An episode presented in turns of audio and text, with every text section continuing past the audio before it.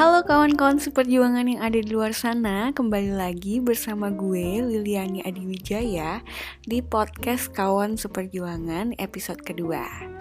Di episode kali ini gue akan bahas mengenai tema yang menurut gue sangat penting dan merupakan hal pertama yang harusnya sudah kita coba lakukan sebelum kita menjalin hubungan interpersonal, yaitu hubungan antara diri kita dengan orang lain ya. Nah, apa sih yang mau gue bahas itu? Yaitu adalah penerimaan diri. Nah, gue mau cerita sedikit pas nulis naskah ini, gue tuh sempet stuck beberapa kali dan bahkan banyak merenung juga. Terus gue juga berdiskusi sama beberapa orang. Sampai akhirnya gue berhasil merangkum tema yang lumayan sulit ini ya untuk gue share ke kalian semua. Nah, kenapa sih sulit? Uh, gue pengen nanya nih ke kalian semua. Kalian udah bisa belum menerima diri kalian apa adanya? Buat yang udah bagus banget, gue salut karena gue sendiri mungkin uh, masih berproses gitu ya, jadi belum sempurna. Tapi buat yang belum, jangan khawatir karena penerimaan diri ini bisa dibilang proses seumur hidup. Prosesnya panjang dan pastinya nggak mudah. Bahkan gue bisa bilang bahwa mungkin gak ada seorang pun di dunia yang dengan sempurna tuh bisa menerima dirinya mereka sendiri. Karena bayangin aja, kita nerima orang lain seapa adanya orang itu aja tuh sulit. Nah, nerima diri sendiri ini akan jauh lebih sulit. Karena kita itu punya lebih banyak tuntutan ke diri kita sendiri gitu loh. Syaratnya banyak kalau untuk diri kita sendiri. Karena kita cenderung pengen diri kita tuh terlihat perfect kan di mata orang lain. Nah ngomongin soal penerimaan diri ini tuh ada dua poin penting. Yang pertama itu soal fisik yang kedua itu karakter. Ini dua poin yang melekat sama diri kita. Jadi ya apa yang langsung terlihat oleh orang yaitu fisik dan apa yang uh, kasat yang nggak kasat mata yaitu karakter dan dua-duanya sama-sama penting. Tapi di episode kali ini gue akan fokus ngebahas soal fisik dulu ya. Nah ada nggak sih di antara kalian nggak cewek nggak cowok uh, yang merasa nggak puas sama tubuhnya? Misalnya nih aduh kok hidung gue pesek ya terus lu tuh sampai nose job atau wah body gue kurang oke okay nih apps gue kurang bercahaya gitu. Terus lu ngejim lah diet lah apalah. Gue nggak menyalahkan itu semua sih kalian mau ngejim mau nose job mau sedot lemak mau diet mau operasi plastik nggak ada yang salah. Karena ada hal uh, yang emang masih bisa diperbaiki. Apalagi kalau itu tuh emang bermanfaat buat diri kita gitu loh. Tapi ada perbaikan-perbaikan yang sebenarnya nggak bermanfaat atau nggak diperlukan. Contohnya nih, nggak cewek nggak cowok ya. Kalau ngelihat model atau aktor atau aktris di majalah misalnya Terus kita cenderung bandingin badinya kita sama badinya mereka. Terus kayak kita mikirnya, kok badi mereka bagus banget ya bisa langsing atau uh, bisa six pack. Terus habis itu kita tuh sampai nge-research um, mereka itu dietnya apa sih, terus workoutnya gimana. Terus sampai kita ikutin kita diet, kita workout ala mereka, terus sampai kita itu jatuh sakit. Ada nggak yang kayak gitu? Pasti ada.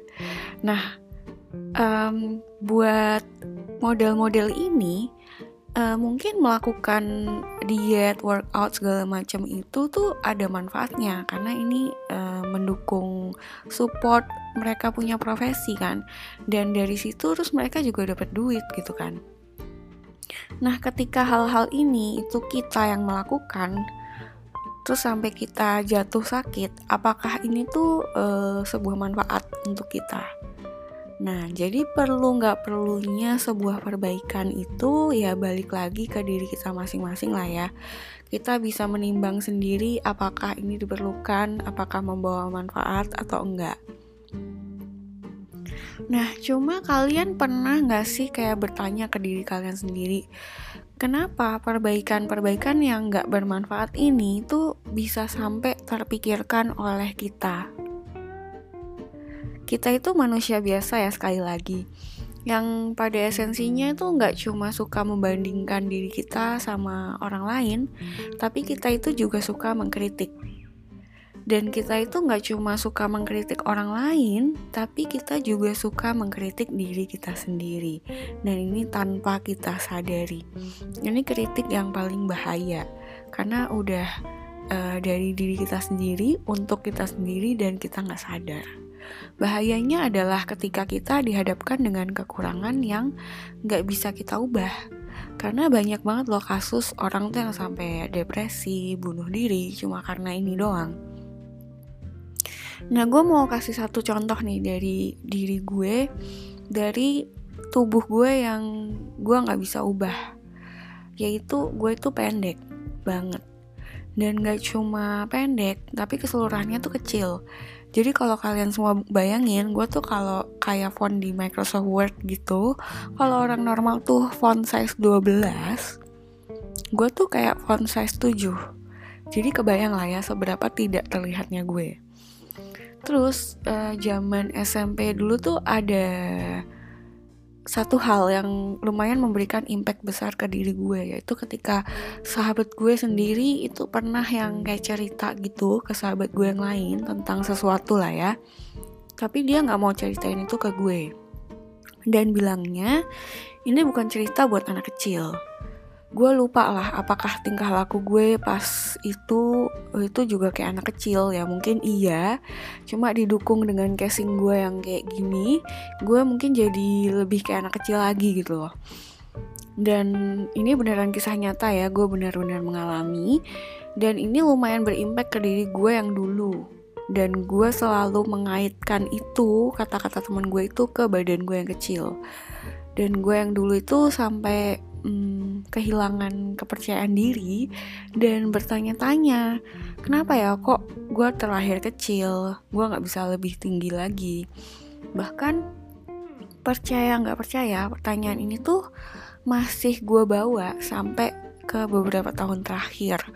Sampai suatu ketika gue ngobrol sama salah satu teman gue. Dia ada bilang satu kalimat yang lumayan terus menyadarkan gue gitu kalimatnya adalah ada hal-hal yang tidak perlu kita pertanyakan cuma perlu kita terima Nah, setiap gue inget kalimat ini, gue akan sadar bahwa tubuh gue ini bukan font di Microsoft Word yang bisa diganti size-nya gitu aja. Terus apa dong yang bisa gue lakukan? Ya menerima karena tubuh gue yang kecil ini udah diberikan Tuhan dan gak bisa gue ubah. Kedengarannya kayak desperate ya udah gak ada pilihan lain selain menerima gitu. Tapi nggak. Masih ada hal yang bisa gue ubah yaitu cara pandang gue. Setiap ada yang bilang oh Lily yang kecil itu gue akan melihat itu sebagai uh, trademark. Karena coba badan gue biasa aja size-nya. Emang ada orang yang bilang oh Lily yang normal itu. Nggak mungkin kan? Atau oh Lily itu yang mana? Gitu loh. Nah jadi itu jadi keunikan lah dari seorang gue tapi nggak berhenti sampai di situ aja. Setelah menerima, gue itu sekarang sedang ada di proses memberikan nilai-nilai kepada diri gue. Caranya gimana?